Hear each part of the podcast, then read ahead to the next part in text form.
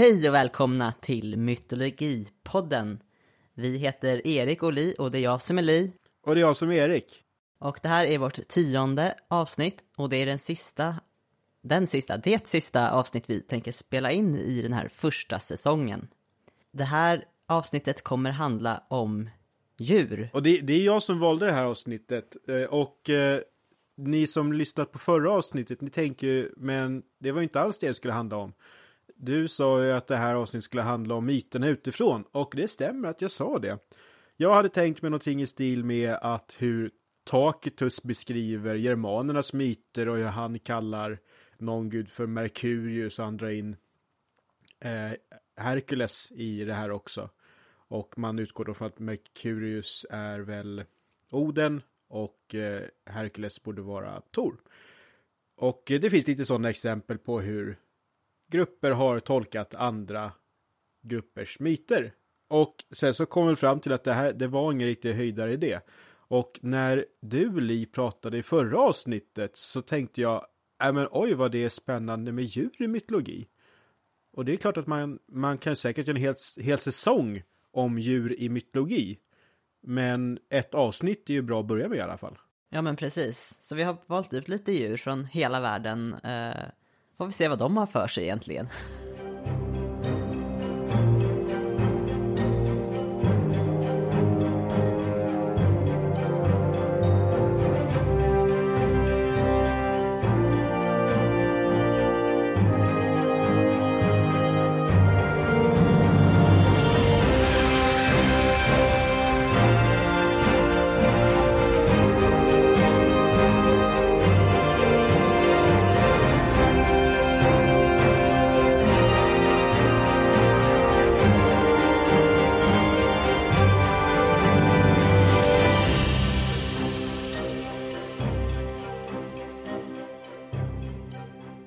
Ja, och eh, vi har då som vanligt valt två stycken mytologier var.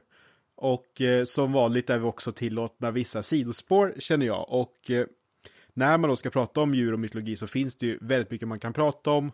Och eh, där tyckte jag att det till och med var lite kul att ingen av oss valde forntida Egypten. Som ju är överfyllt av olika djurpersonifieringar och varelser med djurhuvuden och djur med symbolik. Så Mm. det finns ju fortfarande jättemycket man skulle kunna ge sig på. Ja, jag var inne på Sydamerika men där finns ju hur mycket djur som helst. Men Ja. sen så laddade jag i Nordamerika istället. Ja, nej men och, och det, det är en av de saker som jag tycker är så rolig med den här podden. För vi ger oss faktiskt ut på sådana saker vi kanske inte är jätteinsatta i innan och man hittar ofta någonting som är väldigt spännande. Och eh, det jag gjorde, det var att jag tog upp en bok om mauriernas religion och mytologi som jag hade lånat på biblioteket. Och så tänkte jag att hur gör jag det här bäst? Så jag kollade i själva index i, bak i boken. Och så tänkte jag att jag bara helt enkelt kollar upp olika djur och ser vad jag hittar. Och då stod det Fish Origin.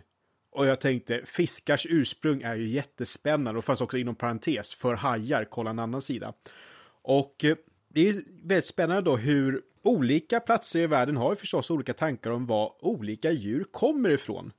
Och hos maurierna, det är väl det vi kallar också Polynesien som verkar ha lite så här pa, alltså panpolynesisk syn om jag förstod det någorlunda. Och det är en lite rörig historia och där var också att ju mer jag kollade upp och desto fler källor jag fick ge mig på så fick jag så att det verkligen blev mer och mer förgrenat. Men själva grundtanken i det jag hittade om fiskars ursprung, det handlar då om vissa beskyddare som finns över olika områden. Och de kallas för Puitiriao. Och de här beskyddarna kan ha olika områden som sagt. Det finns beskyddare som har hand om området där döda samlas och det ska heta Honoi Wairua. Det ska också finnas beskyddare för himmelsfrälden och den heter Rangi Nui. Men så finns det också då beskyddare för det personifierade havet. Och hon heter Hine Moana. Och här har vi då ett ord som har dykt upp i ett gammalt avsnitt, Moana. Det är ju den här äh, animerade filmen som vi har pratat om när vi pratade om Maui. Precis. Eh, och eh, Jag tror inte att det finns, alltså det finns säkert någon koppling där i namnet, men jag försökte lite snabbt googla och det verkar inte hänga ihop direkt i alla fall. Men Hinemoana är det personifierade havet och hon är dotter till någon som heter Tane och hon är gift med Kiva. Och det är Kiva tillsammans med Tangaroa Wakemau Tai och Kaukau som är just Hinemoanas beskyddare. Och Kiva, som är också hennes man då, han är en sån som maurier kunde vända sig till för beskydd när de var ute och reste på havet. Och det känns ganska bra att vända sig till just honom för Hine Moana har det här lite dåliga draget upplever jag att hon kan också sänka kanoter om de inte har rätt magiska laddning och det är då Tapu. Och det är ju från den här mytologin som vi har Mana som är en mytologisk eller religiös kraft och Tapu så jag beskrivet som den starkaste religiösa kraften. Men Kiva och de andra, de ska råda över strömmarna. Då kan man tycka att det borde räcka att ha dem som beskyddare över havet. Men sen kommer några andra beskyddare och de heter Takahu och Tepuvakatara. Och Takahu, han är lite grann som hajarna som personifierad varelse. Och det är de här två tillsammans som får en massa olika barn och det verkar vara flera olika havslevande varelser. Som fiskar, tumlare, hajar, jag såg stingrockor nämnda på något, nämnda på något ställe också. Och Takaho och Tepuakatara, de hade nog tänkt sig att deras avkommor, de skulle man kunna ha i en sjö. Men avkommorna själva, de vill helst inte vara i en liten sjö, utan de vill vara ute i stora havet. De vill vara i Hine Moana. Och jag tycker att det är lite fint att vi har alla de här gudarna, vi har havet självt som en person. Det finns nu totalt fem olika beskyddare, någon typ av gudavarelser får vi tänka. Men fiskvarelserna har ändå en egen agens så att de själva kan styra över var de ska hamna till slut. Och det är därför som de hamnar i Stora havet och det är då också då de blir en så pass viktig resurs för de här människorna får jag tänka. Och jag tror nog att det kan vara just därför vi har en myt för varför fiskar finns där man fiskar dem och hur de har kommit till existens just för att det är en så viktig del av de här människornas liv. Eh, och sen fanns det också lite då, vi har pratat förut om skillnad mellan myt och religion. Och det är att religion blir då ett mer paraplybegrepp där myter är en del, men vi har också kult och hur man ska leva i förhållande till myterna. Och eh, då fanns det en tradition bland maurierna att när man hade ett nytt fiskenät och fångade sina första fiskar, då ska det komma någon klok person och välja ut en av fiskarna i det nya nätet. Och då ska man också ta ett av sina egna hårstrån och lägga i fiskens mun och sen släppa ut fisken igen så att den kan fortsätta leva. Och det här kommer ju då säkerställa att man kommer fortsätta få god fångst i framtiden. Och det här då för att ladda fisken med sin egen mana, sin egen magiska kraft. Så det finns hela tiden en relation mellan fiskar och människor på det här viset. Och sen är det tydligen dessutom så att en av de här beskyddarna över havet, Tangaroa Valekamau Tai, han är den som skapar valarna. Valarna är hans barn. Och om jag förstår det hela rätt så via hur gudar och är släkt med varandra så blir också då maurierna släkt via omvägar med valarna. Och valar anses vara ganska magiska varelser. Då finns det också någonting magiskt som finns i människorna själva. Och eh, valarnas pappa då. Det är också han som skapar ormbunkarna i skogen. Och därför kan man kalla ormbunkarna för skogens valar. Vilket jag tyckte var en ganska fin omskrivning. Jag förstår inte riktigt hur det gick ihop, men å andra sidan är inte ormbunkar rimliga heller. Nej, jag, först- nej, jag fattar inte heller riktigt hur... Men okej, jag accepterar detta. Ja, och, eh, och sen är det så att som jag sa, det är mycket olika trådar i det här och jag kan nog mycket väl tänka mig att det är lokala varianter, att det är inte bara hos maurierna den här myten finns, utan det kan vara andra grupper också. Och det kan säkert vara skillnad över tid och sen kan det nog också spela ganska stor roll vilken utomstående det var som skrev ner det här en gång. Så det kan ju bli lite rörigt, men det är ändå en väg in i mytologin. Eh, vi får tänka på att maori-folket är ju en levande grupp och det är en levande kultur så mm. det kan ju fortfarande vara att den myten förändras mm. med tiden. Och eh, det är då lite om fiskar. Där jag hade ju tänkt, jag snackade lite om det innan, att jag skulle ta upp någonting om fjärilar, men det lilla jag hittade där var inte så spännande som jag trodde. Men från fisk och fjäril till fågel.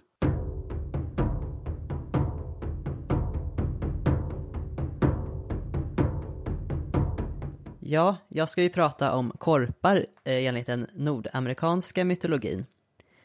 Och Nordamerika är ju som vi pratat om innan ett väldigt, väldigt stort område med ett stor variation av olika ursprungsbefolkningar.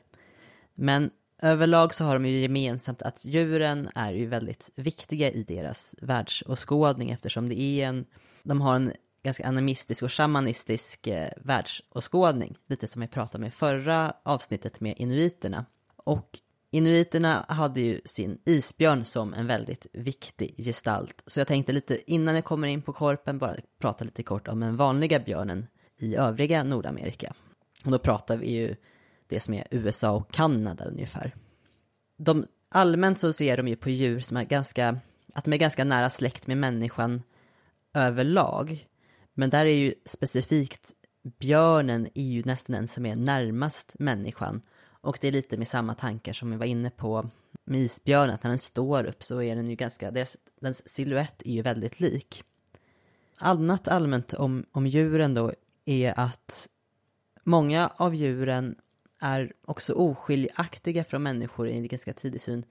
För att både djur och människor hade, har, har man haft tanke om att kunna eh, byta skepnad. Det var många djuren som förvandlades till människor och blev någon sorts urförfäder till många olika stammar.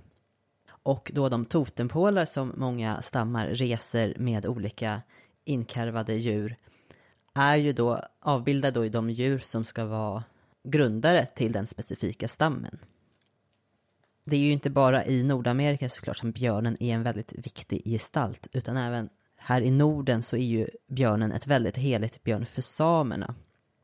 Är väldigt religiöst viktig och det finns speciella ritualer kring björnen när man jagar den och så. Till och med, det här var du lite inne på också Erik, att man också har begravt björnen på samma sätt som man begraver eh, människor. Att i olika sorts stenrös när man lägger benen eh, på plats. Och eftersom björnen är ett sånt eh, farligt och speciellt djur så brukar man få väldigt många olika sorts Noa-namn. Alltså namn som utifrån man ska först man undviker att säga björnen, ordet björn. Så man kan säga till exempel pälsgubben om björnen för att man ska pra kunna prata om den men inte nämna eh, namnet på den. Jag, jag läste ett eh, skämt om just att björn har ett Noa-namn. Mm. Och eh, i den här, det var liten serieruta och de diskuterade just eh, Noa-namn och varför finns Noa-namn och det är att man inte ska råka åberopa en varelse som man inte vill ha nära in på sig. Just det. Och eh, då tog de upp just att björn, det var på engelska, så bear i ett Noa-namn och då är en lingvist med i den här serien som börjar återskapa vad som borde vara björnens riktiga namn. Och eh, där är om man går tillbaka, alltså i ryska så heter väl björn Ursus och på grekiska är det någonting med Arktos.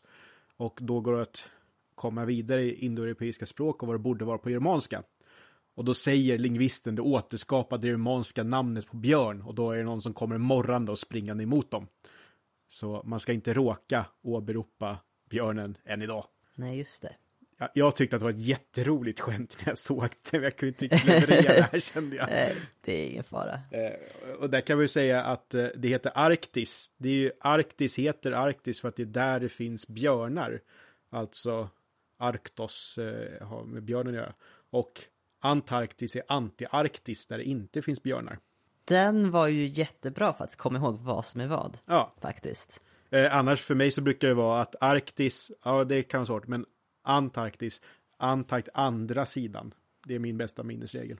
Ja, när man bor på den här sidan så Japp. funkar eh, Ja, och björnar kan man ju lära sig lite mer om hur de fungerar i myt och folktro om man lyssnar på när man talar om trollen. Så jag hade tänkt, först tänkte jag, jag kanske ska prata om björn, men jag rekommenderar er att gå och lyssna på den podden istället. Så ska jag börja prata om korpen i nordamerikansk myt istället. Jag vill bara flicka in innan vi Ja. går till nästa del att jag sa att ordet Ursus kommer från ryskan och det är förstås latin jag tänker på. Korpen får lite olika funktioner hos ursprungsbefolkningen i Nordamerika. Den är både trickster och lite, jag höll på att säga kulturhjälte, men kulturbringare eh, stötte jag på också att man har kallat det för. Vet inte om det finns sådana myter med just den där eh, hjältesaga-uppbyggnaden med korpen, men kulturbringare är den ju i alla fall. Och den uppgiften oftast eh, får då i myterna är att bringa ljus till världen eller introducera eld. Och ibland har också korpen skapat eller hittat människorna. Den myt jag tänkte berätta om korpen nu kommer från en grupp ursprungsbefolkningar som heter Tsimshan och de är bosatta, är eller var, det vet jag inte, på den nordamerikanska nordvästkusten. Det börjar och allting var mörkt. Människorna, de hade på något sätt, de hade ändå vant sig vid att det var mörkt och fick så här känna sig fram, liksom trevande och följa tidigare människors, människors spår för att hitta sin väg fram i världen. Och korpen tyckte det var väldigt irriterande att det var så mörkt för att det var ju väldigt svårt att jaga när man inte såg någonting. Och anledningen till att det inte fanns något ljus är för att himlens hövding då gömmer alla, allt ljus, stjärnor och, och sånt i sitt tält. Korpen som är lite lurig då bestämmer sig för att jag ska se till att få tag på de här. Vid ett tillfälle så får Korpen möjlighet att följa efter den här himlens hövdings dotter när hon ska hämta vatten i en källa. Och när hon plockar upp vatten i någon spann eller tillbringare så förvandlar sig Korpen till ett tallbar och som då trillar ner i vattnet som hon då sen dricker och märker inte att hon har druckit ett tallbar. Och eh, hon blir gravid då eh, med korpen i magen och föder ut korpen som ett människobarn. Ett människobarn med väldigt svart hår och spetsig näbbliknande näsa. Ja, hon tar hand om människobarnet och det här barnet är ju väldigt ledsen och girig. Så, och hövdingen tycker ju om barnet, det är ju ändå hans barnbarn och Korp signalerar att han vill leka med någonting som ligger i lådor som är längst ner i hörnen på tältet. Himmelsfadern, äh, himmelshövdingen ger då de här lådorna till, till barnet så att den kan leka med dem för att det är det enda som verkar göra barnet lugn och snäll. Och medan korpen då leker med lådorna och öppnar upp dem så tar han då fram först stjärnorna och leker och bollar runt med dem och slänger upp dem i himlen genom öppningen i tältet längst upp. Och blir då sur och grinig igen. Himmelshövdingen ger honom då nästa låda och där i finns då månen. Och det blir samma sak, månen kastar korpen även upp den i himlen. Och till slut får han den sista lådan med, och där ligger solen. Och när hövdingen ger den lådan till korpen så förvandlar sig korpen från människa till korp och flyger iväg med solen i näbben. Och på så sätt placerar korpen solen i himlen och ser till, ja, det är egentligen finns dagsljus eh, stor del av dagen. Det, det, är den här, det är just det som är den här kulturbringande gärningen som korpen gör. Men är då ett trickster i, i den bemärkelsen att det är en väldigt lurig person. Men jag tyckte det var trevligt att för oss, korp kan ju gärna ses som ganska illavarslande. Mm. Och man ser det kanske mest som en stor svart fågel som äter as eller kadaver. Ja, Men här var det ändå en positiv egenskap som korpen kom med. ja. Han, korpen gör det förvisso för egen vinning att, att, eh, att han vet att det ska vara lättare att jaga. Eh, i kunna göra det i dagsljus och, eller i stjärnljus. Men resultatet gynnar ju mänsklig, hela mänskligheten.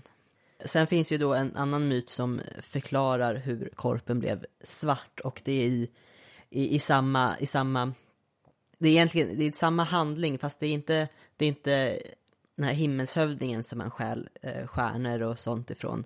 Utan det är en stor grå örn som, som har sol och stjärnor som, och elden som någon sorts skatt. Och korpen lurar sig in i, får ens förtroende och stjäl det.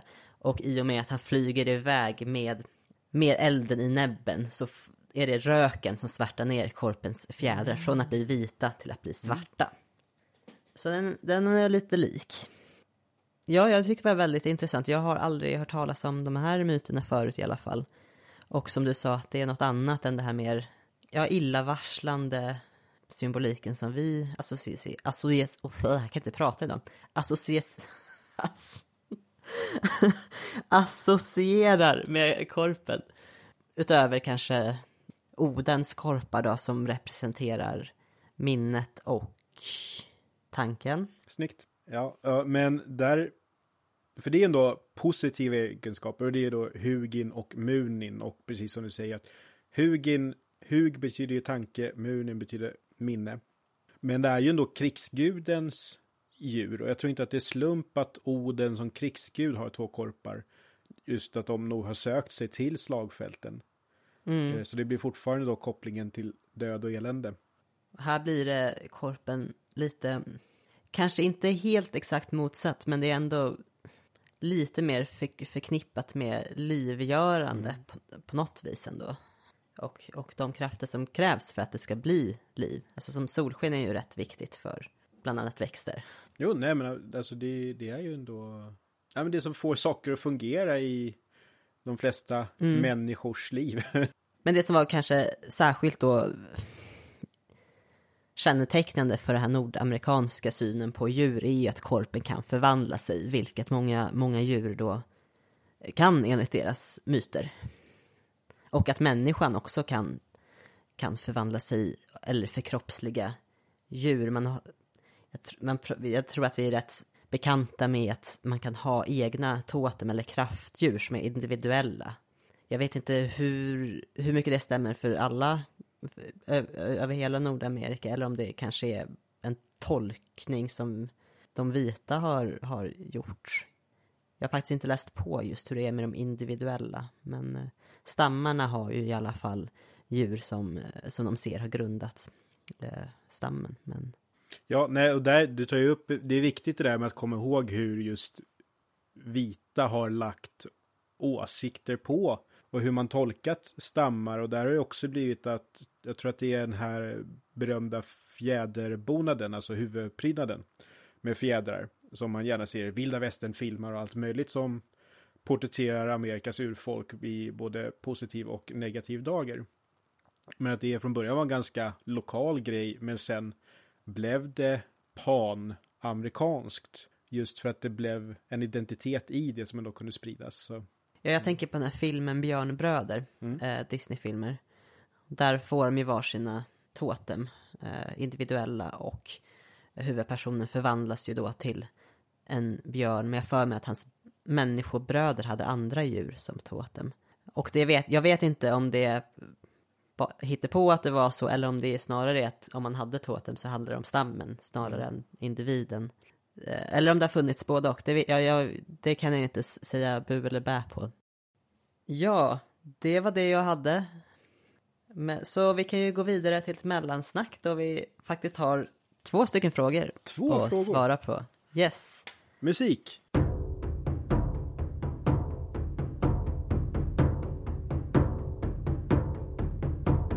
Ja, i förra avsnittet så svarade vi på Nils fråga om hbtq-gudar och pratade lite om Oden.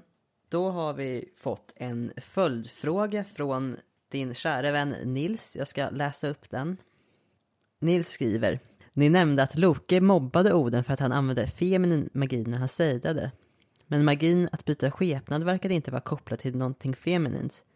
Jag undrar lite vad som då egentligen var magi överhuvudtaget bland asarna och vilken magi var det vi människor kan använda oss av.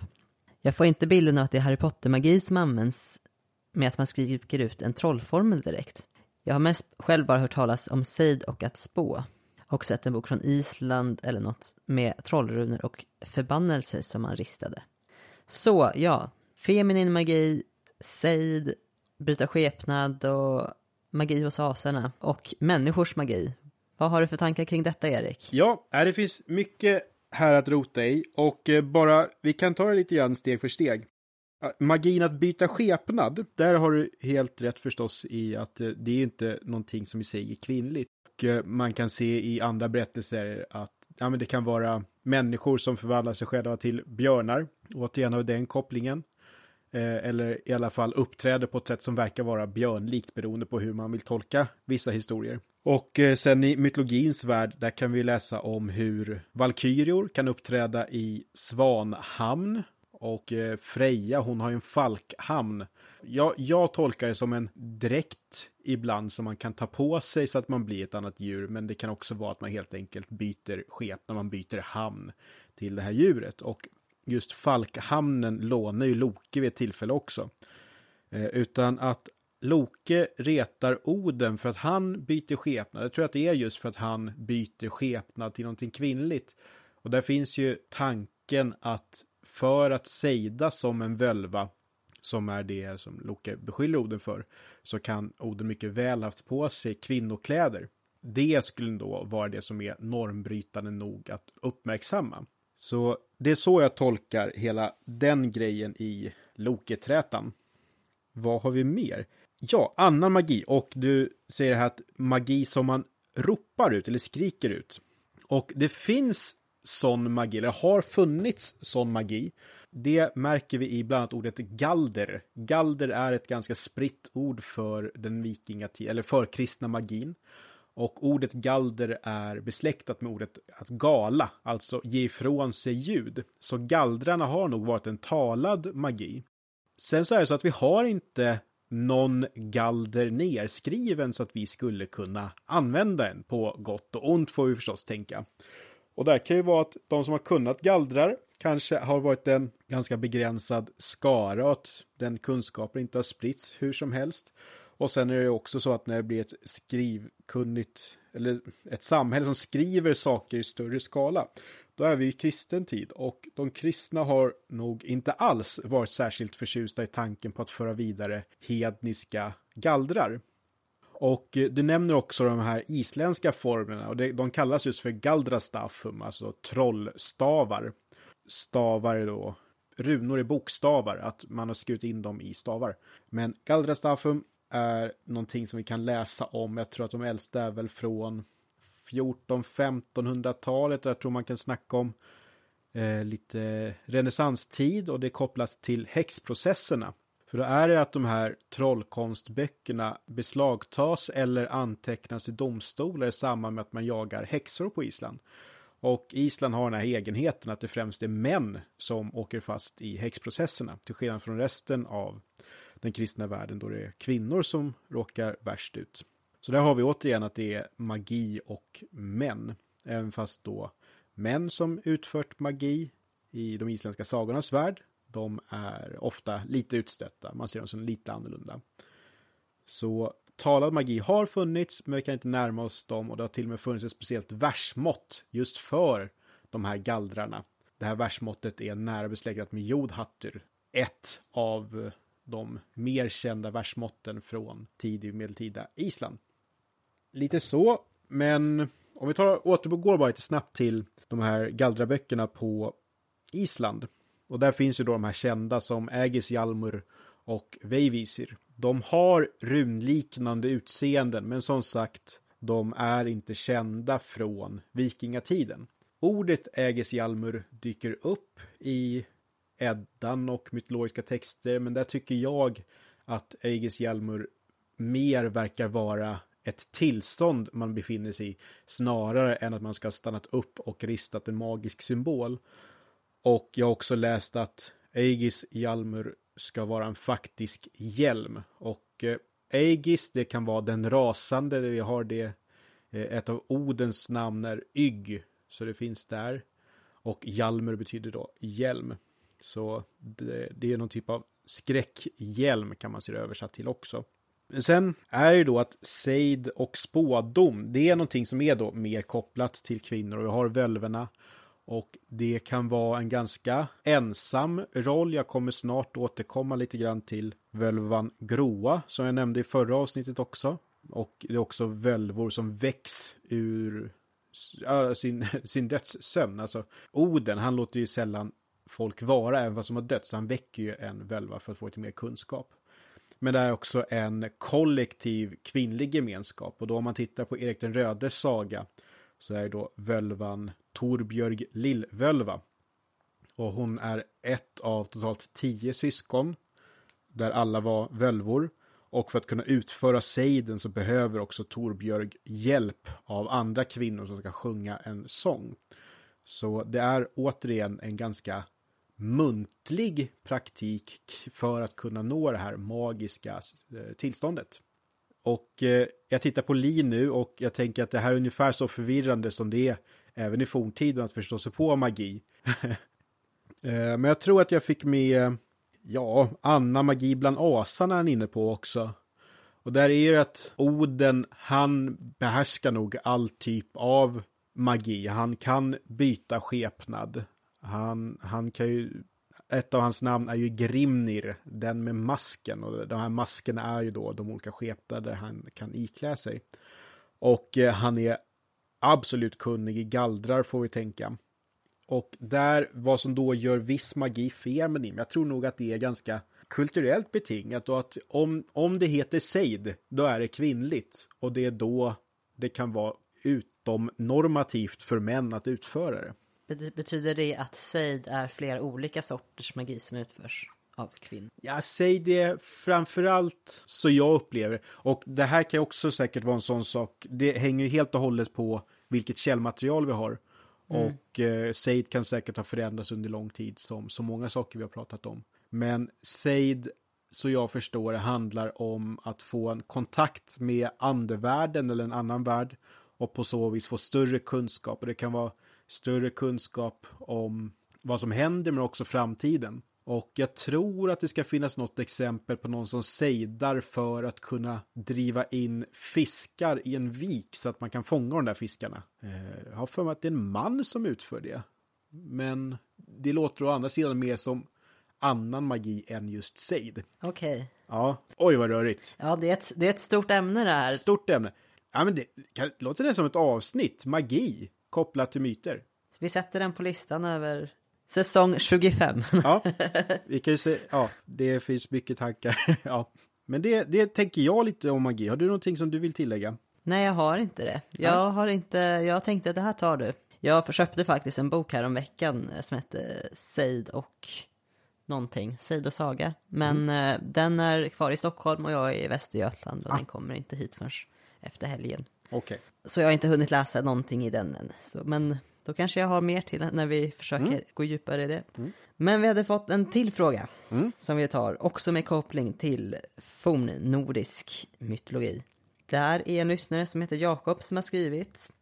Vi har tydligen nämnt i ett avsnitt att Ja, det det, det, det är nog du som har nämnt i alla mm. fall, Erik, att Tor och jätten Rungner slogs på gränsen mellan Utgård och Asgård. Och Jakob beskriver då att hans bild av gränsdragningen mellan dessa riken var att Asgård låg i Yggdrasils topp och Utgård låg någonstans bortanför havet. Men Tor och Rungner verkade ha någon fast plats med jord under att stå på för att slåss. Frågan är då, hur är egentligen portalerna eller vägarna mellan dessa riken? Går det att färdas som människa över Bifrost eller är rikena separerade endast för oss dödliga? Och Jakob tackar för en bra podd och vi säger tack Jakob. Bra fråga. Och fin komplimang. Ja, den fornnordiska världsbilden är riktigt rörig. Och eh, bara för att snabbt återberätta, det är ju där med hur, ja, som du sa, att Tor och Hrungnir ska slåss, men Hrungnir han vill inte slåss i Asgård, för han känner att det skulle vara lite orättvist att Tor får vara på hemmaplan. Och han skyndar snabbt hem till Utgård, där han som jätte bor. Och sen är i och det här är en sån sak jag inte sa i förra avsnittet tror jag, men de möts sen i Grotuna gård. Och vad är då Grotuna gård? För det är inte i Asgård och det verkar inte vara i Utgård. Och där finns det då flera olika syner på hur världsbilden ska se ut. Och den här klassiska bilden med världsträdet Yggdrasil som du är inne på i frågan Jakob, där Asgård ska ligga i toppen och eh, olika grenar och rötter rör sig till olika världar. Det är en sån sak som dyker upp i vissa myter. Sen i andra myter så verkar världen mer vara utbyggd eller uppbyggd på ett sätt så att Asgård ligger i mitten som i en cirkel. Sen är det en yttre cirkel och där bor människorna i Midgård. Och sen i den yttre cirkeln, där bor jättarna i Utgård. Och sen får man tänka sig då att Hel finns någon typ av underjord och i den här uppdelningen så nämns inte ens, vad blir det, fem, sex av de andra världarna. För det ska finnas nio världar i den nordiska mytologin. Det kan nog vara olika berättartraditioner och när Snorre Sturlason sammanfattar i Snorres Edda då tar han nog till sig flera olika traditioner och därför får vi en ganska rörig bild av hur den här världen är uppbyggd. Var ligger då Grotunagård som är på gränsen mellan Utgård och Asgård som vad jag vet inte i någon enda myt delar en gräns. Och då tror jag att Grotunagård, det är där völvan Groa bor. För det är ju völvan Groa som sen sjunger gallrar, här är det ordet igen, över Tor så att han ska få den här stenflisan ur sin panna. Det här, om, det här, om det här är första avsnittet du hör så det här är sånt jag tog upp i förra avsnittet så vill man höra mer så får man gå tillbaka och lyssna på det. Och Groa, hon verkar vara människa så vitt jag förstår. Och alltså borde hon ju då bo, hon borde bo i Midgård. Och eh, kanske åt Utgård-hållet, för hon som völva är ändå lite i utkanten av samhället får vi tänka. Så jag tänker att Tor, han är lite hemifrån och Hrungnir är lite hemifrån han också, så därför blir det en slags gräns. Sen i andra myter, där håller inte riktigt det här heller, för då kommer Tor, han har ofta varit ute österut för att slåss mot jättar. Och då kan jag tycka att om hela Midgård är omgivet av Utgård, då borde han kunna gå åt vilket väderstreck som helst. Men så vitt jag vet kommer han alltid österifrån när han har jagat jättar. Och då är frågan, hur rör man sig mellan de här världarna som du är inne på? För där i myterna så har vi då bron Bifrost som är regnbågen själv som Heimdall vaktar. Och bron Bifrost går då till gudarnas hem i Asgård och Valhall och allt, alla andra ställen också. Och det är ju där man ska röra sig för att komma till gudarna och det är också därför det är så viktigt att skydda Bifrost så att inte jättarna kommer dit. Men det nämns inte så ofta att någon faktiskt skulle röra sig på den upplever jag. Utan när det nämns att folk reser, då gör de det utan större trassel. Däremot så är det inte så jätteofta någon faktiskt rör sig mellan olika världar. Utan det tycker jag har att göra lite med döden att göra. För det är i döden som folk kommer till hel. Eh, Balder kommer till hel, eh, Valkyrian Brynhild kommer till hel och så finns det som en plats. Men när Balder har dött, då är det så att då rider Odens son, det är, är det Hermod kanske, ja, någon av Odens söner, han föds i alla fall i princip för ändamålet. Och då rider han på Sleipner till Hel för att prata med Hel och försöka få hem Baldrien. Och jag tror att det är ganska viktigt att han rider på just Sleipner. För visst att Sleipner är den snabbaste hästen. Men Sleipner är också känd för att kunna rida överallt. Alltså över himmel och över vatten och över jord. Och kan då uppenbarligen också rida till andra riken. Så jag tror att det inte är helt oproblematiskt egentligen att röra sig till andra världar, men det tas inte upp så mycket. Och det hänger helt på de källor som vi har. Vad har vi för exempel på människor som har rört sig över till andra världar? Har, har vi några sådana? Där, jag tror att ibland så, Brynhild då, som är Valkyria, hon är ju ibland eh, lite mänsklig, alltså hon vill ju ändå vara med sin kärlek som är människa, Sigurd. Jag tror inte hon rör sig tillbaka från Hel, utan hon har ju dött så hon kommit till Hel. Men jag tror inte det skulle vara i så fall Röskva och Chalve eh, som är då de två människobarn som är med Tor. Det är ju då Chalve som spräcker upp en av Tors bockars ben för att komma åt märgen och som straff så måste både Röskva och Chalve färdas tillsammans med Tor runt om i världen. Då färdas de ju till andra världar med en gud som sällskap. Som löser det. Mm. Ja. Så jag tänker att eh, det är nog lite så. Och människor ska ju helst hålla sig där i Midgård. För går man till Utgård, då är det jättefarligt. Och går man till Asgård, då har man redan dött. Sa du att det är jättefarligt? Ooh, asabra skämt. Jag, jag trodde du tog, skulle ta den, men Nej, jag... jag det bara flöt med. nej, nu, nu, har du, nu har du blivit mästaren. Jag känner mig lite klokare. Eh, Men det är, det är som du säger, det är inte helt självklart just med tanke på att det är så många olika eh, framställningar av hur världsuppbyggnaden. Ja, precis. Och jag försöker tänka lite mer på Hel nu. Och Hel, ingången till Hel vaktas av hunden Garm. Vilket känns lite Hadesaktigt med Kerberos. Mm. Så man vill ju inte gå till Hel den vägen heller. Och sen så ska det vara något vattendrag nere i Hel.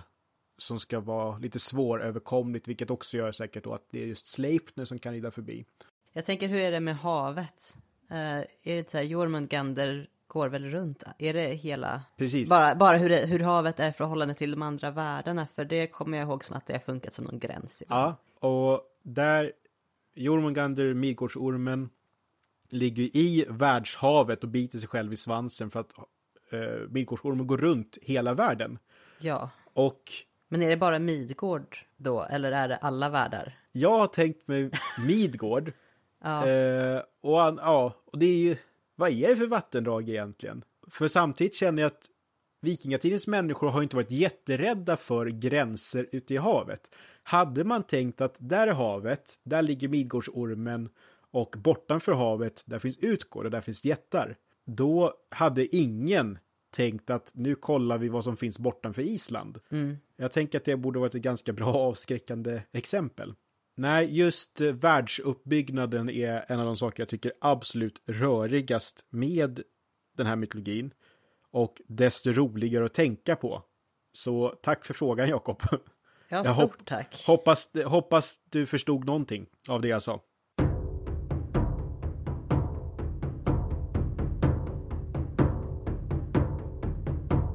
När vi funderade på vad för ämnen vi skulle välja till idag, då hade jag ganska tidigt bestämt mig för en sak som jag skulle vilja prata om. Och Jakobs fråga fungerar faktiskt som en bra väg in i det. För just på temat hur rör man sig mellan världar och den enda jag kommer på som gör det relativt obehindrat, det är ju just Sleipner. Och jag hade redan på förhand tänkt att jag skulle prata om hästen i den fornnordiska mytologin. Så det funkar ju alldeles utmärkt. Och eh, då återigen bara för att förtydliga, nu när jag säger nordisk mytologi eller fornnordisk mytologi, då är det ju då det som är framförallt nedskrivet på Island och även fast den samiska mytologin i praktiken är nordisk mytologi så är det inte den jag rör mig i just nu. Men hästen är en väldigt viktig varelse i det vikingatida samhället och tidigare samhällen i Nordeuropa också och i stora delar av världen. Och där kan man ju se att med hur speciellt ja, med språk och allting rör sig, att hur hästen sprids är också en viktig del av hur många samhällen utvecklas. Hästar i Norden är absolut inget undantag och det finns också i, om man tar eh, nordisk sfär, om man tittar på eh, anglosaxisk mytbildning, då finns det två tidiga kungar som heter Hengist och Horsa. Och de här namnen är ju då, Hengist är samma ord som hingst på svenska och Horsa är samma ord som horse på engelska.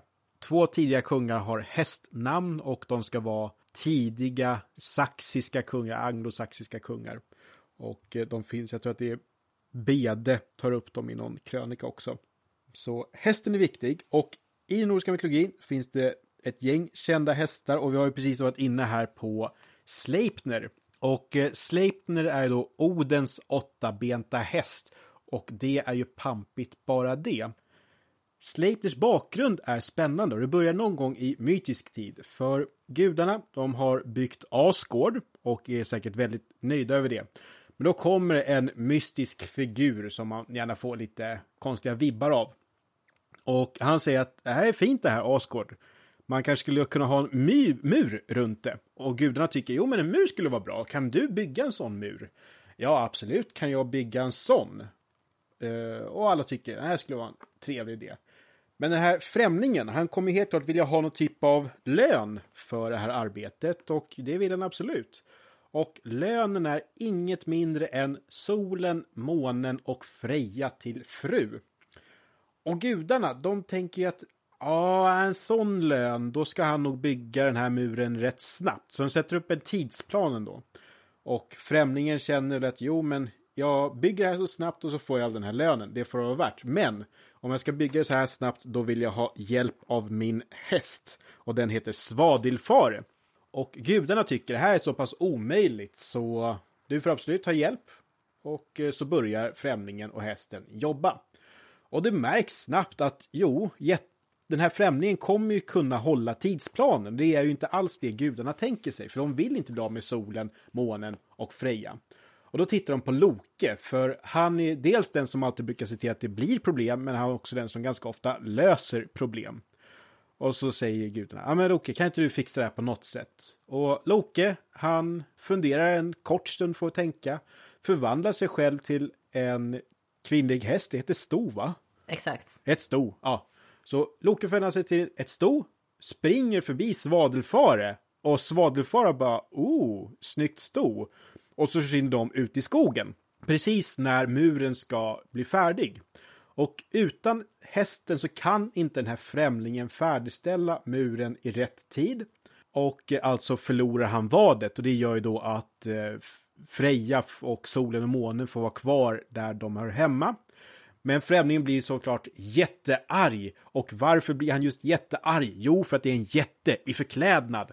Och vad gör gudarna med arga jättar? De skickar Tor på honom och så blir den historien kort. Hur som helst, nio månader senare så är Loke jättegravid och han föder då fölet som heter Sleipner. Så det är vad Sleipner kommer ifrån. Och sen finns det ju andra viktiga hästar i mytologin och där jag tog upp i förra avsnittet just hur jätten Rugnir har en häst som heter Gyllenfaxe har jag för mig. Och den kan ju nästan mäta sig med hur bra Sleipner är. Och sen är det så att vi märker att hästar just har en viktig koppling till gudarna. Och där kan man läsa om hur vissa hästar kan helgas till guden Frej. Och där finns sagan Hramkel Frejgodes saga och en gode i det vikingatida samhället är då en både på vissa sätt en politisk ledare men framförallt en religiös ledare. Och han har en häst som han alltid har helgad till Frej och det är bara Hramkel och Frej själv som får rida den här hästen. Och sen är ju såklart i den här sagan en ung man som rider på hästen utan tillstånd och det här kan bara straffas med döden. Så det finns en stark koppling mellan Frej och hästar. Och eh, sen så är det också så att hästen är det viktigaste offerdjuret i den nordiska mytologin och det vi får tänka att just nio hängstar, hingstar hör absolut till de offerdjur som hängdes upp i träden i Uppsala. Sen är det så att hästköttet som så är så viktigt så att det sen blir ett problem. För i kulten har man nog ätit mycket hästkött och i kulten har också finns exempel på hur de har någon typ av balsamerad hästpenis som ska finnas vid ett völseblot. Och det här ska ha, säkert ha någonting med fruktbarhet att göra. Men sen är det då att när Island konverterar till kristendomen runt år 1000 då är det ju så att de har ju tre stycken hedniska kryphål kvar. Och det är att ett kryphål, det är att man får sätta ut barn i skogen om man har för många barn. Man får också dyrka de gamla gudarna i hemlighet hemma. Men det tredje kryphålet är att man får fortsätta äta hästkött. Och det här låter jättekonstigt utan kontext. Men det är så att eftersom att hästen var så pass viktig i den fornnordiska kulten och den nordiska mytologin så är förbjudet för kristna i norra Europa att äta hästkött. Och det här är också någonting som återkommer i Håkon den godes saga. Och det är en av de här kungasagorna som Norre, sk Snorre skriver ner. Och det finns en liten julkoppling till det, så jag tänkte ta i det här avsnittet som då kommer typ vid jul. Ja, fyra dagar efter jul är, Fy... är det. Okay, Lyssnar ja. ni på oss? Mm. Då så. För då i den här Håkon den gode saga, Håkon den gode han är då kung och han är kristen kung.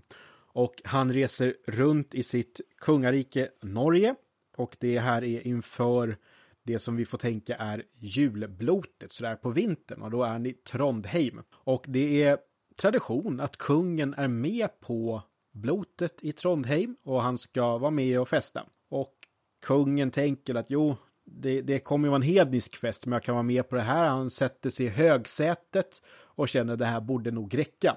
Men sen ska hålla på skålas till olika gudar och förfäder också. Och det här är inte riktigt som en kristen kung vill vara med på. Så när mjödhornet väl kommer till honom, då gör han faktiskt korstecknet över hornet. Sen dricker han lite och sen går hornet vidare. Och alla hedningar som är närvarande tycker att det här var faktiskt, eh, det var ganska okult. Men då är en av de mer ödmjuka hedningarna, han gör ett hammartecken över hornet och säger att festen kan fortsätta. Men sen kommer det då fram en skål med hästkött som är väldigt viktigt att man äter vid det här blotet. Och kristne kungen Håkon, han vill ju inte äta hästkött för det är jättehedniskt och inte bra. Och alla hedningarna på festen bara, jo men du måste äta hästkött. Nej, jag vill inte äta hästköttet. Nej, men du kan väl i alla fall bara, du kan ju dricka vattnet som hästköttet är kokat i. Och det vill jag, alltså jag som inte ens har något religiöst problem inför det här, jag vill inte heller dricka kokvatten med hästkött. Så jag förstår att kungen säger nej till det. Men sen säger jag, du kan väl andas in luften, eller ångan med hästköttet i alla fall. Och kungen förstår att ja, men nu börjar hedningarna bli ganska arga, så det här är nog det bästa jag kan komma undan med. Så han går med på att skålen med hästkött ska ställas framför honom och så lägger han ett tygstycke över den här skålen och sen bara gapar han över tygstycket. För då har han då fått i sig lite andlig hästlukt får vi tänka. Och hedningarna, de är inte nöjda men de förstår att det kan, kommer inte bli bättre än så här. Och sen vid ett senare blot så tvingar faktiskt hedningarna Håkon att äta hästlever. Så hästen är väldigt viktig i kulten och att hästen är så pass viktig i kulten är just för att den är viktig i mytologin, får vi tänka. Och så knöt jag ihop det med vad jag faktiskt skulle prata om. Ja, och hästoffer har man ju också bland annat i, i husoffer vet jag. Att man lägger ner till exempel en käke från hästar i... Just det, sånt har du grävt. I, stolp, i stolphål. Eller det var inte alls jag som hittade det, var, det var en, en kursare, men jag var med. Du var där. Jag var där. Det är mer än vad jag har gjort. Jag var där, jag, jag grävde stolpen bredvid. Vi var, vi, vi var samma hus, men det var inte min stolpe. Ja. Du, du var där. Jag tycker det är bra. Mm. Men det om hästar. Men medan vi ändå är i eh, det här vikingatida fornnordiska, mm. så nu tidigare i veckan, eh, nu när vi spelar in är alltså den 18 december, så hittade en eh, god vän till mig, Axel, ett väldigt häftigt fynd ute på en schackövervakning. Nämligen en försvunnen sten från ett runstensmonument i, och nu tappar jag helt vad det heter. Hunnersta. Hunnesta.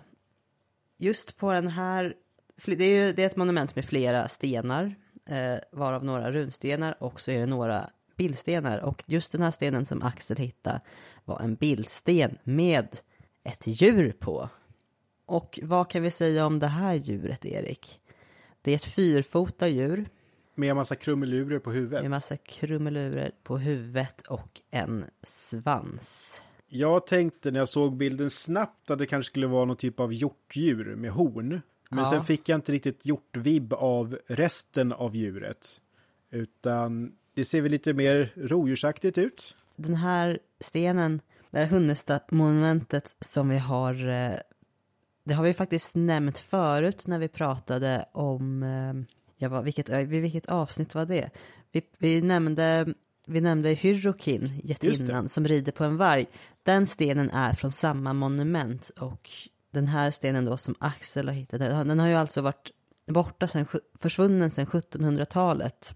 Men man har känt till att det varit flera stenar på grund av avbildningar från 1600-talet. Ja, jag kikar på den här bilden nu och eh, den har ju, den är, det var i ark, eller vad man kan kalla för ringrikestil gissar jag att det ska vara som typ. Och då är det mycket krumelurer och sådär som gör att det kanske kan vara svårt att urskilja just vilket specifikt djur det skulle kunna vara. Men om det är ett rovdjur, det kan vara någonting med helt enkelt väldigt detaljerade öron. Eh, och det är det som får iväg. Jag tänker det kanske skulle kunna vara en vikingatida tolkning av ett lejon med man. eh, om man bara hört talas om lejon. Spännande är det. Så en rekommendation från oss är ju att i alla fall titta, söka på den här stenen och titta på så kanske vi har något exempel på ett mytologiskt djur i alla fall. Ja, just det. Det kan ju vara helt mytologiskt, ja. Ja, vi kanske, Ja. Inte, vi kanske inte kan veta exakt vad för djur det är, eller det finns väl mer eller mindre kvalificerade gissningar. Men Det ska bli spännande att höra vad, hur tankarna kommer bli kring det här fyndet och framförallt var det kommer hamna, så man kan titta på det på riktigt. Och ska vi då ta oss vidare till nästa, sista djuret?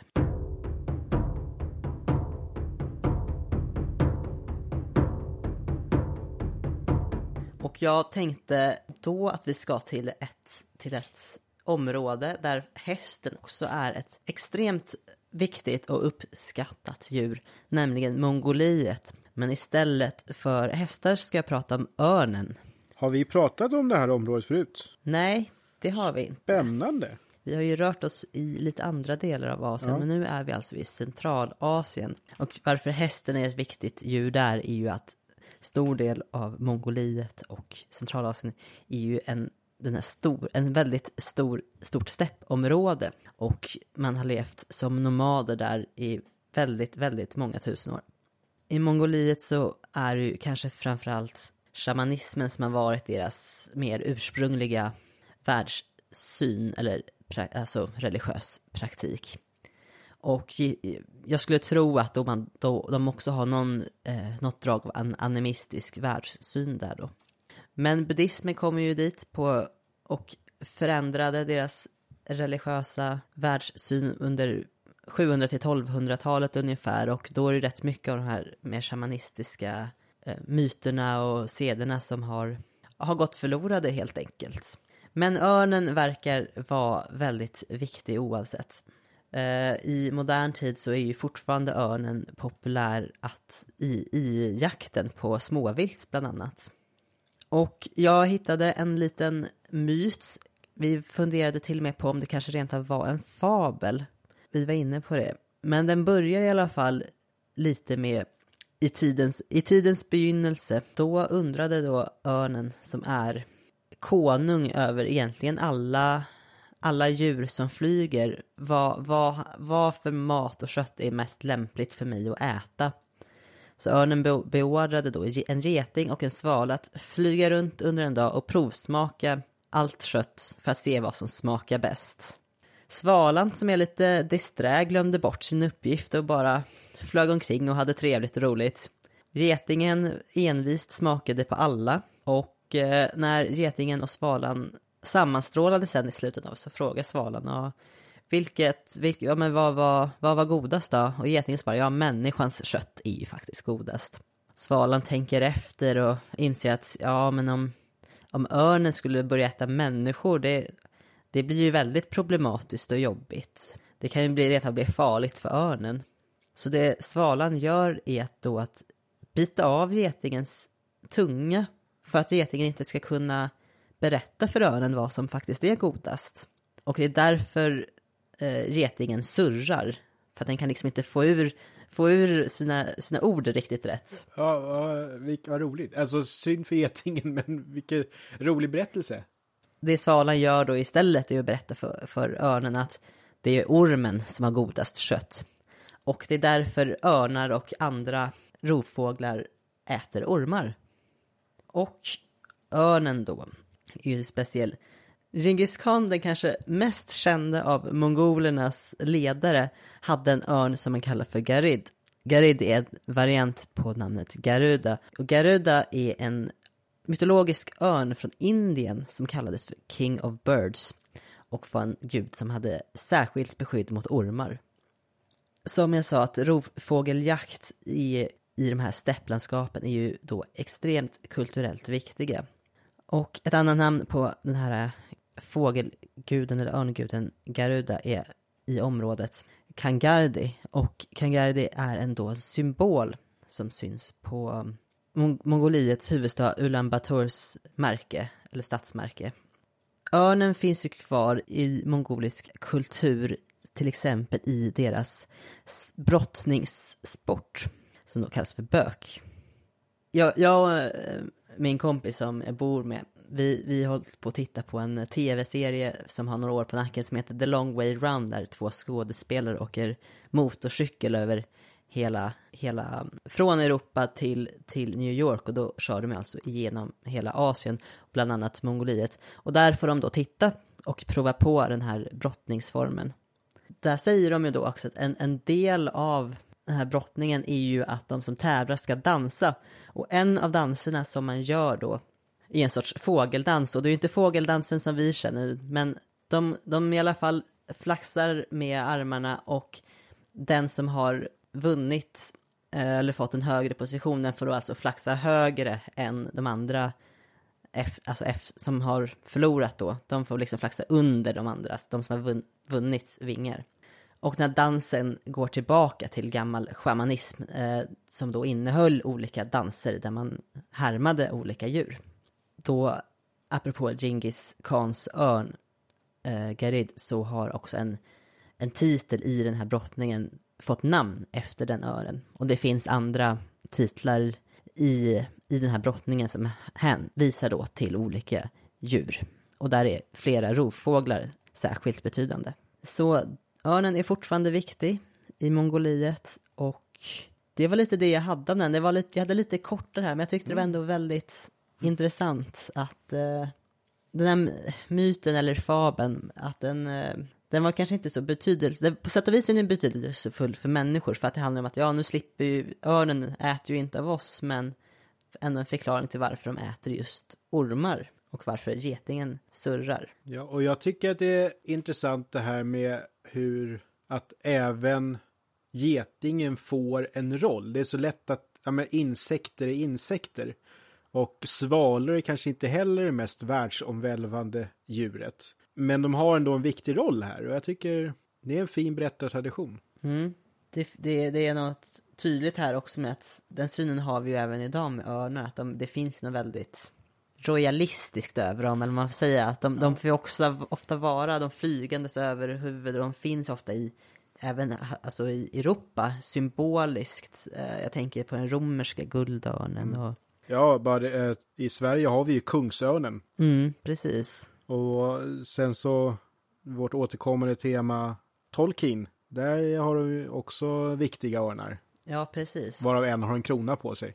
Ja, örnarna, de i Tolkien, de är ju, står ju i förbund till, eh, till, till den av Valar, alltså en sorts, en grupp gudar som finns nere i världen. Just, och då står de i närmast kontakt till Manwes som är då gud över himlen, skulle man kunna säga. Jag vill bara säga, jag tittar på Li och Li drar till med ordnamnet Manwe som att det inte vore någonting. Jag ser att du inte har några anteckningar på det här, så det här var bara coolt. Ja, nej, jag har inga anteckningar på Tolkien. ja, jag är impad. Ja, som Li nämnde här att det här senare berättelsen tänkte du kanske mer var just åt fabelhållet. Och det fick mig att tänka, vad är egentligen skillnaden mellan myt och fabel? Då kollade jag lite snabbt upp det på internet och jag kom väl till någon typ av tanke att myten ska ha någon typ av underton av att vara på riktigt. Medan en fabel är okej okay om den är påhittad, men det är någon typ av historia med en sensmoral. Och det här kanske inte är den bästa definitionen av en fabel, men det var vad jag kom fram till i alla fall. Mm. Och där kan jag väl få lite vibben av att, om vi återgår till, ja, att det blir lite eurocentriskt. Att det, man kan gärna kalla vad europeiska grupper har trott och tänkt på, det är, det är mytologi, det är lite status i det. Men att andra grupper, kanske minoriteter, att det är mer fabler eller sagor. Så jag, mm. kan, jag tänker att det kan finnas en värdering i orden ibland. Man ska inte helt utesluta det ena eller det andra. På din eh, den definition du hittade, då, då tycker jag ändå att det, i sättet den berättades, att det lät mer som att man tar det som en verklig förklaring. Mm. Det här hände förr, långt mm. bak i tiden. Det här förklarar varför det här hände. Mm. Så jag, jag läser det mer som en myt. Mm. I så fall. Ja, nej men för där, och jag förstår hur din tanke dök upp, för, för fabel är just det, ja men just djur som har personligheter och... Mm. Är, är det Aesop som skriver fabler i den antika världen. Jag kan inte någon av Aesops fabler, men ändå. Och, och då är det återigen lite så här gränsen mot vad som blir mytologi, tänker jag. Men Ja. Vi hade ju ett sånt, i vårt första avsnitt så skulle vi definiera mytologi mot andra snarlika historietraditioner och fabler glömde vi faktiskt. Så Ja, den var, missar vi helt. Så det var bra att vi tog upp det nu istället. Exakt.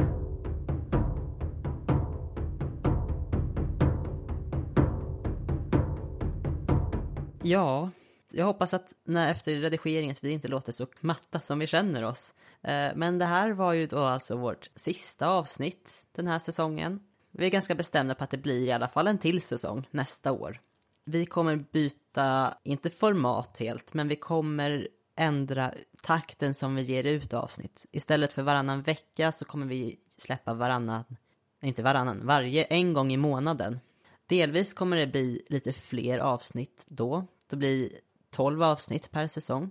Och säsongen blir då under hela året istället för att vi ska hinna med en säsong per halvår.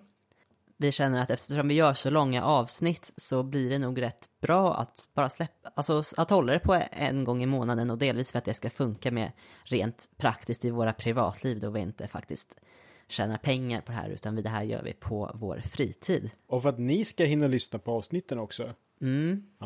hade vi hållit oss på 40 minuter hade det kanske varit en annan femma men Ja. eh, det, nu har vi ändå lagt oss på en nivå där vi behöver lite tid till research och så. Vi har ju haft det här skräckavsnittet för förra. När, närmare, närmare två timmar, en timme 52. Och vi minuter. spelade in i över tre timmar. Eller Ja. runt tre timmar. Ja, Ja, två och en halv timme nästan. Ja, ja. ja tufft. det blir lite maffigt. Men i alla fall, och då har vi tänkt att två av avsnitten nästa år kommer vara lyssnarvalda. Så att ni kan redan nu börja skicka förslag på vad vill ni ha, vad ni vill ha avsnitt om. Så kommer vi göra ett litet urval när det barkar sig, barkar sig, när, när, när, när det närmar sig tiden för att ha ett lyssnaravsnitt. Vi hoppas även på att spela in lite samarbetsavsnitt. Eh, vi får se lite hur vi löser det rent praktiskt med tanke på covid. Och ja, har du något mer, Erik, om eh, tankar kring nästa säsong? Nej, mer tankar om säsongen som gått. Eh, Det är ju du, Li, som är initiativtagare till det här och du frågade mig och tack för att jag fick vara med på det här. Tack för att du ville vara med. Jag tror, eh, jag, jag tycker du är väldigt bra på framförallt att föra fram myterna på ett, på, jag är lite mer, ja, först händer det och sen det här och sen det här. Så att det är kul, bra att vi har lite olika sidor. Ja, nej, och absolut komplettera varandra så. Och sen så, jag vet inte om det har framgått, men det är Li som gör allt det jobbiga runt podden också. Det är Li som klipper, det är Li som får stötta mig moraliskt när jag är sur på teknik. Det är Li som har fixat så att alla streamingtjänster funkar, så bra jobbat med det. Jag tror jag loggade in på vår e-post första gången igår av misstag. Eh, Så det är du som har skött det under hela Ja. året också. Så, Ja. det, så bra jobbat med allt sånt. Tack så mycket. Sen framförallt så har vi noterat nu sista veckorna att vi har plötsligt fått väldigt mycket fler som börjat lyssna. Fantastiskt kul, Eh, särskilt på Spotify. Så lyssnar du på Spotify, vad kul att du är här och lyssnar. Och ni andra som lyssnar på andra tjänster, det är jättekul att ni är här med, men det verkar vara väldigt mycket fler på Spotify just nu. Eh, jag som inte använder Spotify för att lyssna på poddar blev väldigt överrumplad. Jag trodde inte det fanns så mycket lyssnare där, men jag är motbevisad. Kul. Ja, det var en sån här grej när vi började, vi fanns bara på Acast. Och jag sa till vänner så här, ah, jag, jag startar en podd nu. Ah, vad kan man lyssna på den? Ja, de heter Acast. Jag kan ju ingenting om teknik, så jag visste inte vad Acast var själv. Och de bara, jag kommer nog inte lyssna då.